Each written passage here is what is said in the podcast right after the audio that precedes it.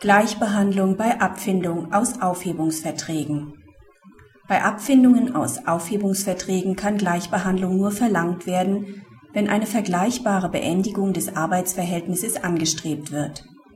Der Arbeitgeber gliedert den Betriebsteil des Arbeitnehmers aus, macht im Unterrichtungsschreiben jedoch fehlerhafte Angaben zum Haftungssystem des § 613a BGB und zur gesamtschuldnerischen Nachhaftung dem Betriebsübergang widersprechenden Arbeitnehmern bietet er Aufhebungsverträge gegen Zahlung einer Abfindung an.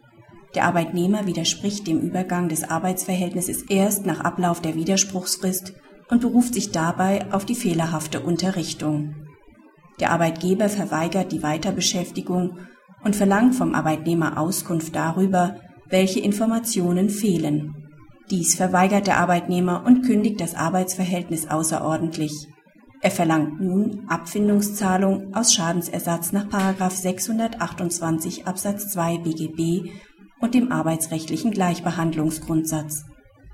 Das Arbeitsgericht weist die Klage ab, das Landesarbeitsgericht gibt ihr statt. Die Revision des Arbeitgebers zum BAG hat Erfolg. Der Arbeitgeber schuldet keine Abfindung, weder als Schadensersatz noch aufgrund des arbeitsrechtlichen Gleichbehandlungsgrundsatzes zwar kann der Arbeitnehmer wegen der fehlerhaften Unterrichtung noch nach der Monatsfrist wirksam widersprechen, so dass sein Arbeitsverhältnis beim Arbeitgeber fortbesteht. Hinsichtlich der fristlosen Eigenkündigung trifft den Arbeitgeber jedoch kein Auflösungsverschulden, denn eine nicht erfolgte Weiterbeschäftigung ist keine schwere Pflichtverletzung im Sinne des § 626 Absatz 1 BGB, solange streitig ist, ob der Arbeitnehmer nach der Frist widersprechen kann und er die fehlenden Informationen nicht benennt.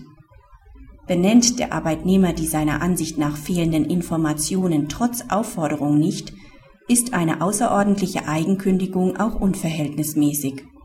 Der Arbeitnehmer muss mit seiner Mitteilung auf eine Weiterbeschäftigung hinwirken.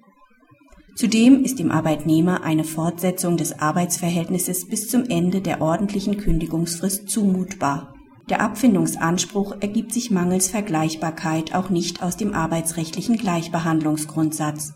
Strebt der Arbeitnehmer von vornherein eine Eigenkündigung mit Schadensersatz an und will gerade keinen Aufhebungsvertrag mit Abfindung, kann er keine Gleichbehandlung verlangen. Praxishinweis das BAG führt seine Rechtsprechung zur Informationspflicht nach 613a Absatz 5 BGB fort es tritt dabei der Möglichkeit entgegen, nach einer fehlerhaften Unterrichtung im Wege des Schadensersatzes nach Eigenkündigung de facto gesetzlich nicht bestehende Abfindungsansprüche geltend zu machen